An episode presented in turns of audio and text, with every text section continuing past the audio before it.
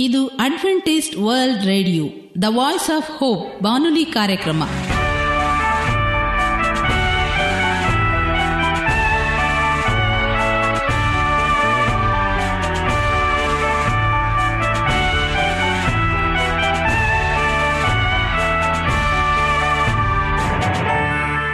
ನಮಸ್ಕಾರ ಪ್ರೀತಿಯ ಕೇಳುಗರೆ, ನಮ್ಮ ನಿಲಯದ ಕನ್ನಡ ಕಾರ್ಯಕ್ರಮಕ್ಕೆ ತಮ್ಮೆಲ್ಲರಿಗೂ ಆತ್ಮೀಯ ಸುಸ್ವಾಗತ.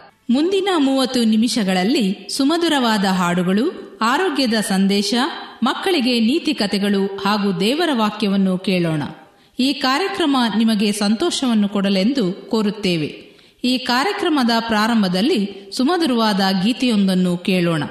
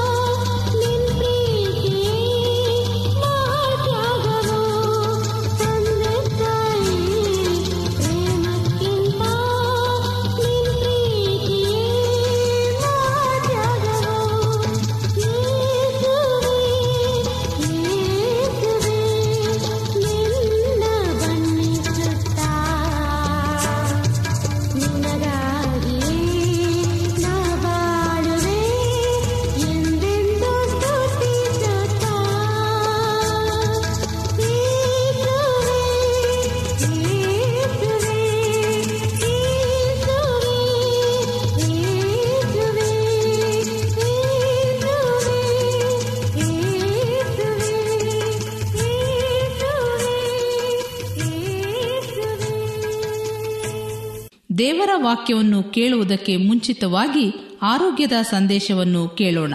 ಪ್ರೀತಿಯ ಬಾನುಲಿ ಮಿತ್ರರೇ, ಈ ದಿನ ನಾವು ಆರೋಗ್ಯದ ವಿಷಯದಲ್ಲಿ ಗುಣಪಡಿಸುವ ಸಸ್ಯಗಳು ಎಂಬ ಭಾಗವನ್ನು ಕಲಿಯೋಣ. ಗುಣಪಡಿಸುವ ಸಸ್ಯಗಳು ಎಂಬ ಭಾಗದಲ್ಲಿ ಮೆಂತ್ಯ ಸೊಪ್ಪಿನ ಬಗ್ಗೆ ನಾವು ತಿಳಿದುಕೊಳ್ಳೋಣ. ಮೆಂತ್ಯ ಸೊಪ್ಪಿಗೆ ಕೆಲವು ಭಾಷೆಗಳಲ್ಲಿ ಯಾವ ಒಂದು ಪದಗಳನ್ನು ಉಪಯೋಗಿಸುತ್ತಾರೆ ಎಂಬುದಾಗಿ ತಿಳಿಯೋಣ. ಬಂಗಾಳಿಯಲ್ಲಿ ಮೇಥಾ, ಬರ್ಮಿಯಲ್ಲಿ ಪೇನಾಥ, ಬರ್ಮಾ ಜರ್ಮನ್ನಲ್ಲಿ ಬಾಕ್ಷಾನ್, ಗುಜರಾತಿಯಲ್ಲಿ ಮೇಥಿ, ಹಿಂದಿಯಲ್ಲಿ ಮೇಥಿ, ಮಲಯಾಳಂನಲ್ಲಿ ವೇದಯಂ, ಮರಾಠಿಯಲ್ಲಿ ಮೇಥಿ, ಪರ್ಷಿಯನ್ನಲ್ಲಿ ಶಾಮ್ಲಿತ್, ಪಂಜಾಬಿಯಲ್ಲಿ ಮೇಥಿ, ಸಂಸ್ಕೃತ ಭಾಷೆಯಲ್ಲಿ ಮೇಥಿಕಾ, ಸಿಂಹಳಿ ಭಾಷೆಯಲ್ಲಿ ಉಲುಹಲ್, ತಮಿಳಿನಲ್ಲಿ ವೇಂದಾಯಂ ತೆಲುಗುವಿನಲ್ಲಿ ಮೆಂತಕೂರ, ಉರ್ದು ಭಾಷೆಯಲ್ಲಿ ಮೇಥಿ. ಮೆಂತೆಯು ನಮ್ಮ ದೇಶದಲ್ಲಿ ಮಾತ್ರವಲ್ಲದೆ ಪ್ರಪಂಚದ ಎಲ್ಲಾ ಕಡೆಗಳಲ್ಲಿಯೂ ಕಂಡುಬರುವ ಒಂದು ಸಾಧಾರಣ ಔಷಧ ಸಸ್ಯವಾಗಿದೆ. ಇದು ಔಷಧಯುಕ್ತವಲ್ಲದೆ ಅಡಿಗೆಯಲ್ಲಿಯೂ ಉಪಯೋಗಿಸುತ್ತಾರೆ. ಈ ಗಿಡವು ಕವಲುಗಳಿಲ್ಲದೆ ಅಥವಾ ಕವಲುಗಳಿದ್ದು ಸುಮಾರು ಒಂದರಿಂದ ಒಂದೂವರೆ ಅಡಿಯಷ್ಟು ಎತ್ತರ ಬೆಳೆಯುತ್ತದೆ. ಮೆಂತ್ಯ ಎಲೆಗಳು ಮೂರು ಪದರುಗಳುಳ್ಳದಾಗಿದ್ದು ಕಿರು ಎಲೆಗಳನ್ನು ಹೊಂದಿರುತ್ತದೆ. ಕಾಂಡರಹಿತವಾದ ಹಳದಿ ಹೂಗಳು ಪರ್ವಸ್ಥಾನದಲ್ಲಿ ಕಂಡುಬರುತ್ತದೆ. ಕಹಿಯಾದ ಬೀಜಗಳು ಇರುಕಿಸಿದ ಬೀಜಕೋಶದಲ್ಲಿರುತ್ತದೆ. ಈ ಮೆಂತೆ ಸೊಪ್ಪಿನ ಔಷಧೀಯ ಉಪಯೋಗಗಳು ಏನು ಎಂಬುದಾಗಿ ತಿಳಿದುಕೊಳ್ಳೋಣ. ಹಣ್ಣು, ಗಂತಿ ಮತ್ತು ಕೀವು ತುಂಬಿದ ಚರ್ಮದ ಕುರುಗಳ ಚಿಕಿತ್ಸೆಯಲ್ಲಿ ಉಪಯುಕ್ತವಾಗಿದೆ. ಕಾಳಿನ ಹೆಬ್ಬೆರಳುಗಳ ಸಂಧಿವಾತ ಮತ್ತು ಮುಖದ ನರಗಳ ತೀವ್ರವಾದ ಶೂಲೆಯ ಚಿಕಿತ್ಸೆಯಲ್ಲಿ ಉಪಯೋಗಿಸುತ್ತಾರೆ. ಸೊಂಟ ನೋವು ಅಥವಾ ತೊಡೆ ಅಥವಾ ಕಾಲಿನ ಹಿಂಭಾಗದಲ್ಲಿ ನೋವುಂಟು ಮಾಡುವ ಸೊಂಟದ ನರಗಳ ಸೋಂಕಿನ ಚಿಕಿತ್ಸೆಯಲ್ಲಿ ಉಪಯೋಗಿಸಬಹುದು. ಚರ್ಮದ ಚರ್ಮದ ಕೆರಳಿಕೆಯಲ್ಲಿ ಹಾಗೂ ಕ್ಷಯ ರೋಗದ ಚಿಕಿತ್ಸೆಯಲ್ಲಿ ಸಹಾಯಕ. ಬಾಯಿ ಹುಣ್ಣು ಗಂಟಲು ಉರಿಯೂತ ಮತ್ತು ದಿಫ್ತೀರಿಯಾ ದೇಹದ ಒಳಭಾಗದಲ್ಲಿರುವ ಮುಖ್ಯವಾಗಿ ಗಂಟಲಿನಲ್ಲಿರುವ ಶ್ಲೇಷ್ಮ ಚರ್ಮವು ಉದ್ದೀಪನ ಹೊಂದಿ ಅದರಿಂದ ಹೊರಟ ಸ್ರಾವವು ಕೃತಕ ಚರ್ಮದಂತೆ ಏರ್ಪಡುವ ಕಠಿಣವಾದ ಒಂದು ಅಂಟು ರೋಗ. ಈ ಚಿಕಿತ್ಸೆಯಲ್ಲಿ ಪರಿಣಾಮಕಾರಿ. ಸೂಕ್ಷ್ಮ ಶ್ವಾಸಚರ್ಮನಾಳದ ಉರಿಯೂತ ಮತ್ತು ಎಡೆಬಿಡದೆ ಕೆಮ್ಮಿಗೆ ಗುಣಕಾರಿ. ಈ ಸಸ್ಯವು ಯಾವ ರೀತಿಯಾಗಿ ಉಪಯೋಗಿಸುವುದು ಎಂಬುದಾಗಿ ತಿಳಿದುಕೊಳ್ಳೋಣ. ಮೆಂತ್ಯ ಬೀಜಗಳಿಂದ ಮಾಡಿದ ಕಷಾಯವು ಹುಣ್ಣು, ಗಂತಿ ಮತ್ತು ಕೀವಿನಿಂದ ತುಂಬಿದ ಚರ್ಮದ ಕುರುವಿಗೆ ಉತ್ತಮ ಪರಿಹಾರ. ಬೀಜವನ್ನು ಪುಡಿ ಮಾಡಿ ಕಟ್ಟು ಹಾಕುವುದರಿಂದ ಕಾಲಿನ ಹೆಬ್ಬೆರಳುಗಳ ಸಂಧಿವಾತ, ಮುಖದ ನರಗಳ ಶೂಲೆ, ಸೊಂಟ ನೋವು ಮತ್ತು ಚರ್ಮದ ಕೆರಳುವಿಕೆಗೆ ಪರಿಣಾಮಕಾರಿ. ಕ್ಷಯ ರೋಗಿಗಳಿಗೆ ಮತ್ತು ಕಾಯಿಲೆಯಿಂದ ಗುಣಮುಖರಾಗಿ ಚೇತರಿಸಿಕೊಳ್ಳುತ್ತಿರುವವರಿಗೆ ಬೀಜದಿಂದ ಮಾಡಿದ ಕಷಾಯವು ಕೊಡಬಹುದು. ಇದೇ ಕಷಾಯವನ್ನು ದಿಫ್ತೀರಿಯಾ ಗಂಟಲು ಉರಿಯೂತ ಮತ್ತು ಬಾಯಿ ಹುಣ್ಣಿನ ತೊಂದರೆಯಲ್ಲಿ ಮಕ್ಕಳಿಗೆ ಕೊಡಬಹುದು. ಮೆಂತೆ ಬೀಜವನ್ನು ಚೆನ್ನಾಗಿ ರುಬ್ಬಿ, ಅದಕ್ಕೆ ಜೇನುತುಪ್ಪ ಸೇರಿಸಿ ಸೇವಿಸುವುದರಿಂದ ಸೂಕ್ಷ್ಮ ಶ್ವಾಸನಾಳ ಚರ್ಮದ ಉರಿಯೂತ ಮತ್ತು ಎಡೆಬಿಡದೆ ಕಾಡುವ ಕೆಮ್ಮನ್ನು ಗುಣಪಡಿಸಬಹುದು. ಮೆಂತೆ ಗಿಡದ ಬೀಜಗಳನ್ನು ಕಷಾಯ ಮಾಡಲು ಉಪಯೋಗಿಸಬಹುದು. ಉಪಯೋಗಕ್ಕೆ ಬರುವ ಸಸ್ಯದ ಭಾಗಗಳು ಬೀಜಗಳು. ತೆಗೆದುಕೊಳ್ಳಬೇಕಾದ ಪ್ರಮಾಣ. ಒಂದು ಲೀಟರ್ ಹಾಲಿಗೆ ಹತ್ತು ಗ್ರಾಂ ಬೀಜ ತಯಾರಿಸಿ ಕಷಾಯವನ್ನು ದಿನಕ್ಕೆ ಎರಡು ಕಪ್ ತೆಗೆದುಕೊಳ್ಳಬೇಕು. ಈ ರೀತಿಯಾಗಿ ದೇವರು ನಮಗೆ ಕೊಟ್ಟಿರುವಂತಹ ಅದ್ಭುತವಾದ ಸೃಷ್ಟಿ ಮತ್ತು ನಿಸರ್ಗದಿಂದ ನಮ್ಮ ಆರೋಗ್ಯಕ್ಕೆ ಸ್ವಸ್ಥತೆ, ಸಂತೋಷಕ್ಕಾಗಿ ಕೊಡಲ್ಪಟ್ಟಿದೆ. ಮಾನವನ ಅನೇಕ ರೋಗಗಳಿಗೆ ಪರಿಹಾರವು ನಮ್ಮ ಸುತ್ತ ಇರುವ ಹಚ್ಚ ಹಸಿರಿನ ಗಿಡದ ಮೂಲಕ ದೊರೆಯುತ್ತದೆ. ವಂದನೆಗಳು. ಈಗ ಮತ್ತೊಂದು ವಿಶೇಷ ಗೀತೆಯೊಂದನ್ನು ಕೇಳೋಣ. ಈ ಹಾಡನ್ನು ಕೇಳಿದ ಮೇಲೆ ನಿಮ್ಮ ಮನಸ್ಸು ದೇವರ ವಾಕ್ಯವನ್ನು ಕೇಳಲು ಸಿದ್ಧವಾಗಿದೆ ಎಂದು ತಿಳಿದಿದ್ದೇವೆ.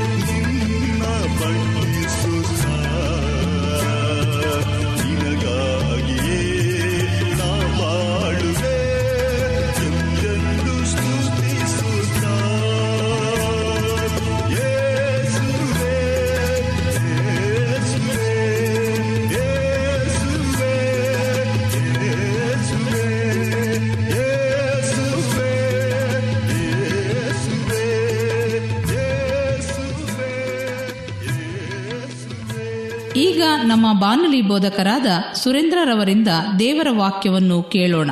ನಮಸ್ಕಾರ ಪ್ರೀತಿಯ ಬಾನುಲಿ ಮಿತ್ರರೇ. ಇದು ಅಡ್ವೆಂಟಿಸ್ಟ್ ವರ್ಲ್ಡ್ ರೇಡಿಯೋ ಅರ್ಪಿಸುವ ಅನುದಿನದ ಮನ್ನ ಎಂಬ ಕನ್ನಡ ಕಾರ್ಯಕ್ರಮಕ್ಕೆ ತಮ್ಮೆಲ್ಲರಿಗೂ ಆತ್ಮೀಯ ಸುಸ್ವಾಗತವನ್ನ ಬಯಸುತ್ತೇವೆ. ಈ ಬಾನುಲಿ ಕನ್ನಡ ಕಾರ್ಯಕ್ರಮವನ್ನು ಕೇಳುತ್ತಿರುವಂತ ನಿಮ್ಮೆಲ್ಲರಿಗೂ ನಿಮ್ಮ ಬಾನುಲಿ ಬೋಧಕನಾದ ಸುರೇಂದ್ರನು ಮಾಡುವ ನಮಸ್ಕಾರಗಳು. ಈ ಕಾರ್ಯಕ್ರಮದ ಮೂಲಕ ದೇವರು ನಿಮ್ಮ ಜೀವಿತದಲ್ಲಿ ಆಶೀರ್ವಾದವನ್ನು, ಆರೋಗ್ಯವನ್ನು ಅನುಗ್ರಹಿಸಲಿ ಎಂಬುದಾಗಿ ಕರ್ತನಾದ ಯೇಸು ಕ್ರಿಸ್ತನ ಮುದ್ದಾದ ನಾಮದಲ್ಲಿ ನಿಮಗಾಗಿ ಪ್ರಾರ್ಥನೆ ಮಾಡುವಂತರಾಗಿದ್ದೇವೆ.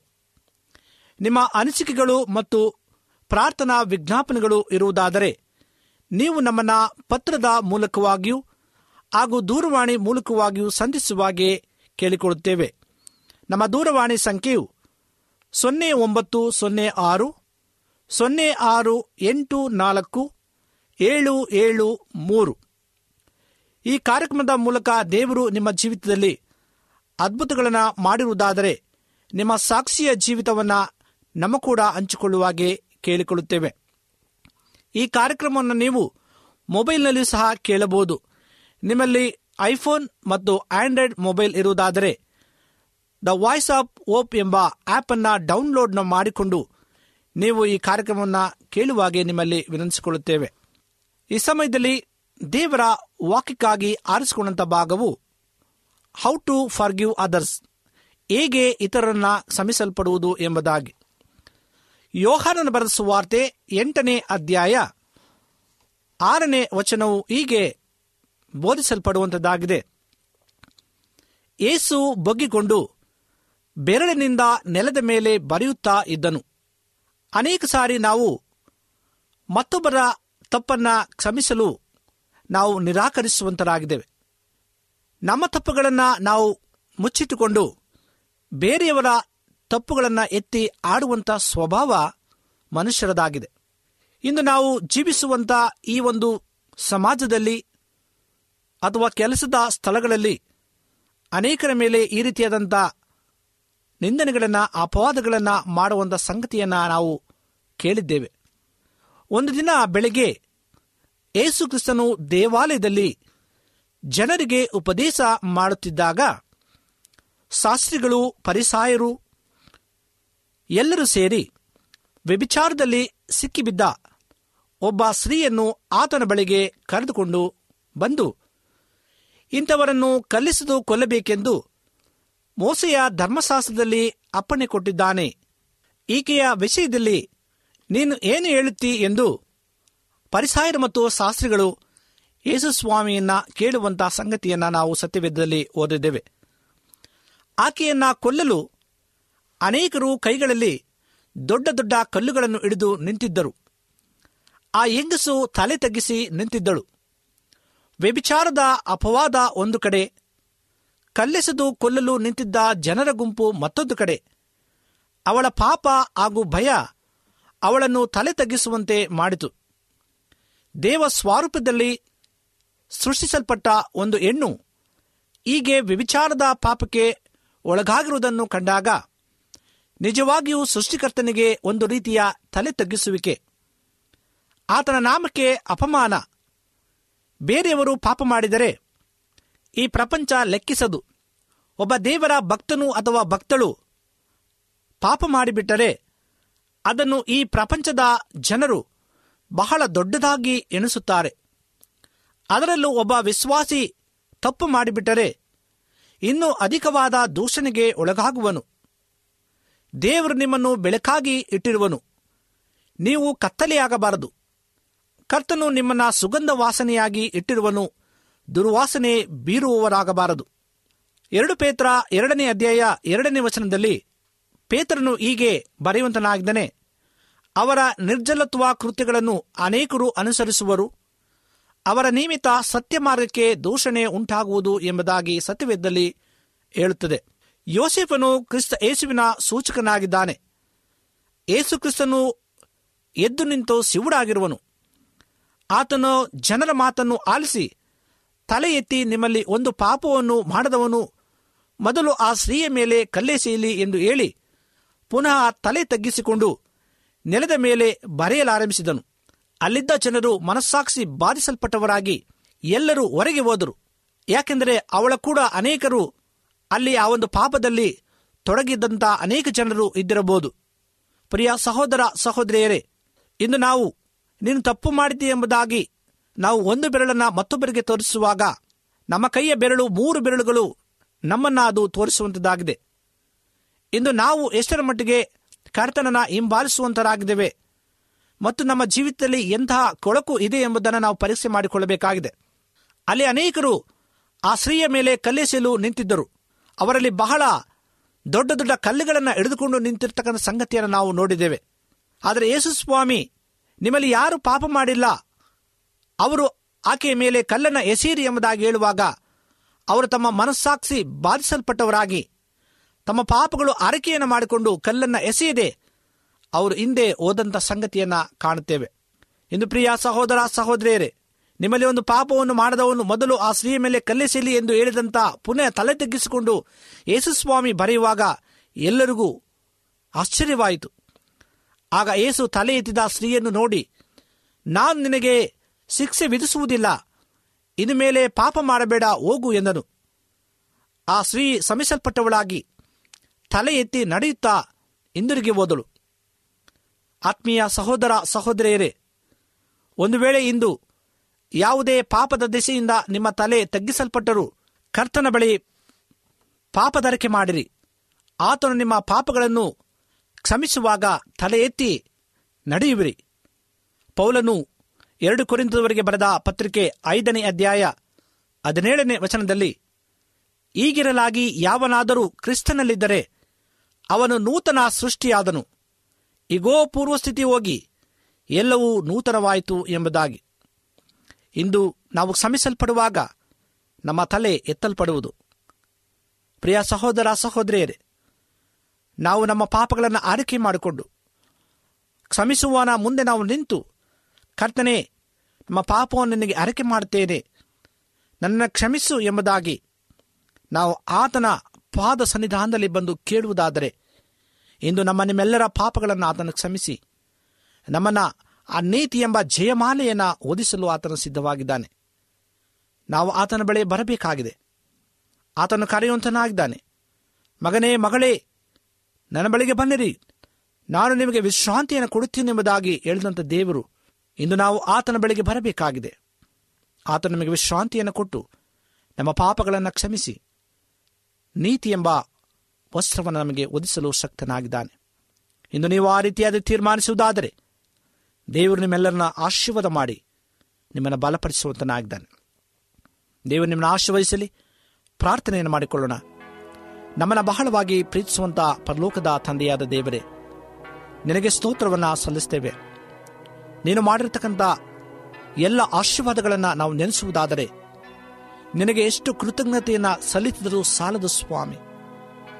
ನಮ್ಮ ಜೀವಿತದಲ್ಲಿ ಬರೀ ಪಾಪದ ಕಲೆಗಳು ತುಂಬಿಕೊಂಡಿದೆ. ಅದನ್ನು ಹೋಗಲಾಡಿಸಲು ನಿನ್ನೊಬ್ಬನೇ ಶಕ್ತನು. ನೀನು ಹೇಳಿದೀಯಾ ನಿನ್ನ ಪಾಪಗಳು ಕಡು ಕೆಂಪಾಗಿದರೂ ಹಿಮದ ಹಾಗೆ ನಾನು ಬೆಳಗ್ಗೆ ಮಾಡುತ್ತೇನೆ ಎಂಬುದಾಗಿ. ಕರ್ತನೆ, ನಾವು ತಗ್ಗಿನ ಸ್ವಭಾವದಲ್ಲಿ ನಿನ್ನ ಪಾದ ಸನ್ನಿಧಾನಕ್ಕೆ ಬಂದಿದ್ದೇವೆ. ನಮ್ಮನ್ನು ಮನ್ನಿಸಿ, ನಿನ್ನ ಮಕ್ಕಳಾಗಿ ಮಗನಾಗಿ ನಮ್ಮನ್ನು ಸ್ವೀಕರಿಸಿ, ಬಲಪಡಿಸು. ನಮಗೆ ಕ್ಷಮಿಸುವಂಥ ಗುಣವನ್ನು ಕರ್ತನೆ ಅನುಗ್ರಹಿಸಬೇಕಾಗಿ ಬೇಡಿಕೊಡುತ್ತೇವೆ ಈ ವಾಕ್ಯವನ್ನು ಕೇಳುವಂಥ ಪ್ರತಿಯೊಬ್ಬೊಬ್ಬರನ್ನು ನಿನ್ನ ಹೆಸರೆಸರಾಗಿ ಆಶೀರ್ವಾದ ಮಾಡು.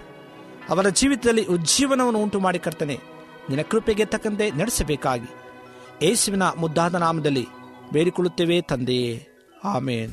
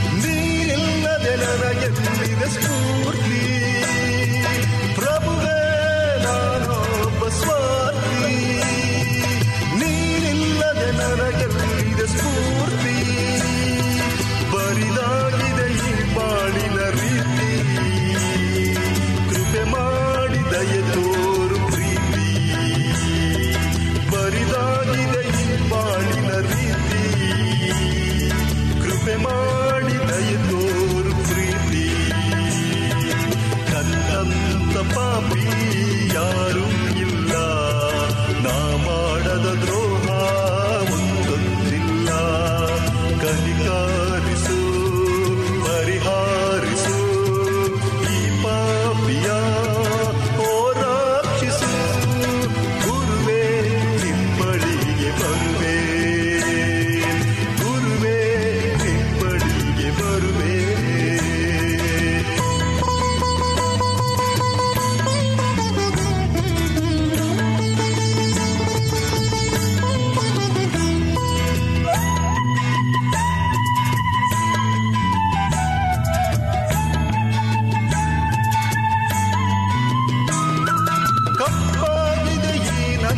kabuk kabuk.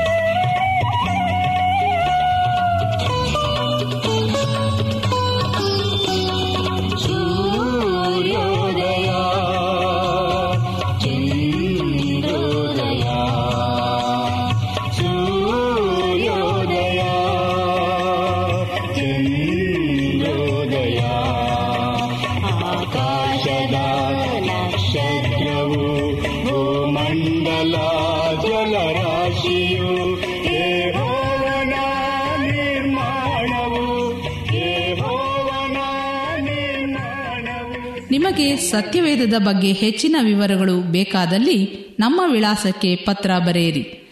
ನಮ್ಮ ವಿಳಾಸ ಅಡ್ವೆಂಟಿಸ್ಟ್ ವರ್ಲ್ಡ್ ರೇಡಿಯೋ ಟಪಾಲು ಪೆಟ್ಟಿಗೆ ಒಂದು ನಾಲ್ಕು ನಾಲ್ಕು ಆರು, ಮಾರ್ಕೆಟ್ ಯಾರ್ಡ್, ಅಂಚೆ ಕಚೇರಿ, ಪುಣೆ ನಾಲ್ಕು ಒಂದು ಒಂದು ಸೊನ್ನೆ ಮೂರು ಏಳು, ಮಹಾರಾಷ್ಟ್ರ, ಇಂಡಿಯಾ.